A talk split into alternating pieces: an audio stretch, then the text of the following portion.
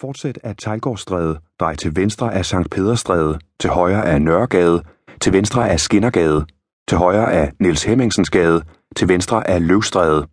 Stop ved porten til posthuset. Fortsæt derefter op ad Løvstræde til Købmagergade 43. Gerningssted C. Jesper Ekved Hansen, Købmagergade 43. Til højre af Købmagergade, til venstre af Klareboderne. Videre lige ud af Møntergade, til højre af Goddersgade, til venstre af Adelgade frem til nummer 63. Gerningssted D. Torben Vagn Knudsen, Adelgade 63. Gå til højre af Klærkegade, så til venstre af Borgergade og til højre af Hindegade frem til nummer 11. Gerningssted E. Edith Sauerwein, Hindegade 11, 4. sal. Fortsæt af Hindegade, drej til venstre ved Store Kongensgade, fortsæt over Kongens Nytorv og videre frem mod hjørnet af Vingårdstræde og Laksegade. Fortsæt af Laksegade forbi Asylgade over Bremerholm til nummer 20F. Gerningssted F. Annette Enevoldsen, Laksegade 20F. Fortsæt lige ud af Laksegade, drej til højre af Nikolajgade, forbi Nikolaj Plads og lige over til Lille Kongensgade. Gå til højre af Strøget, Østergade til Ny Østergade. Gerningssted G. Elaine Bang, Ny Østergade. Vladimir Pinsky, Vester Voldgade 115, 19. november 1948. Mordet på Vladimir Pinsky har gennem årene været indhyllet i en tåge af mystik og konspirationsteorier. Men var det så kompliceret?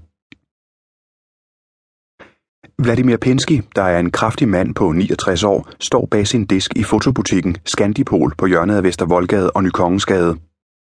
Fruen er som sædvanlig på eftermiddagsbesøg i forretningen, og ægteparet taler om, hvad de skal have til aftensmad samme aften. Penskis kone går kl. 15.00 og spørger på vej ud af døren, om ægtemanden når hjem til sædvanlig tid kl. 18. Det er ikke sikkert. Det er jo fredag med sen lukketid. Men jeg er i hvert fald hjemme lidt over syv, svarer Vladimir Pinski, der kun havde 8 minutters gang til sit hjem i Pukgårdsgade 7. Kl. 20.00 er Pinsky imidlertid ikke kommet hjem. Maden er ved at brænde på, og fru Pinsky og parrets to børn, en datter på 22 og en søn på 19, bliver urolige. Fruen ringer til forretningen og lader telefonen ringe helt ud. Der svares ikke. Familien spiser og trøster sig med, at Pinsky nok i hast er kaldt ud til en kunde for at demonstrere et apparat. Ved midnat går familien i seng, men ingen kan falde i søvn. De har stadig ikke hørt et ord fra Pinsky.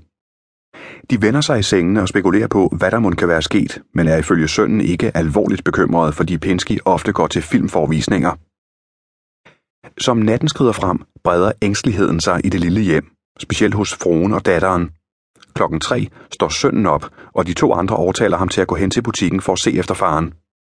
Han tager tøj på og går til Vestervoldgade.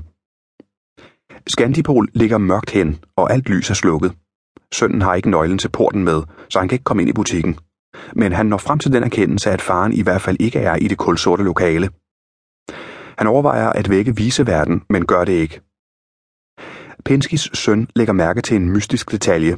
Penski plejer altid at fjerne sine dyre kameraer af mærket Leica og andre optiske apparater fra vinduet, inden han lukker. Men sønnen ser, at alle apparaterne stadig står frit fremme. Sønnen går hjem til sin seng. Familien lukker ikke et øje hele natten. Sønnen står op igen klokken 6 og returnerer til butikken. Han får denne gang vækket viseverden, der låser porten op. Døren til forretningen behøver han ikke åbne. Den står ulåst. De tænder lyset og finder Pinski liggende mellem to diske og et skab i en blodpøl. Hovedet er knust med et øksehug bagfra. Sønnen alarmerer politiet og går den tunge gang hjem til sin mor og søster, hvor han må overbringe dem den triste kendskærning, at deres elskede far og mand, Vladimir Pinsky, er død. Myrdet.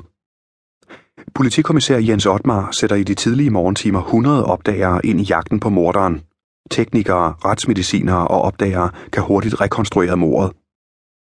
Pinsky står i gerningsøjeblikket for enden af glasdisken og kigger i et kostbart mikroskop. Ved siden af står en lille kasse med 21 objektglas til apparatet med plantevæv magen til det ene, der sidder i holderen. Pinsky er meget interesseret i naturvidenskab og er en habil amatør på det plantebiologiske område. Intet mystisk i det. Morderen slår til bagfra med et kraftigt slag med en økse, som Pinsky havde stående i baglokalet. Pinsky falder om på gulvet, hvor morderen tilføjer ham yderligere slag med bagsiden af øksen. Politiet endevender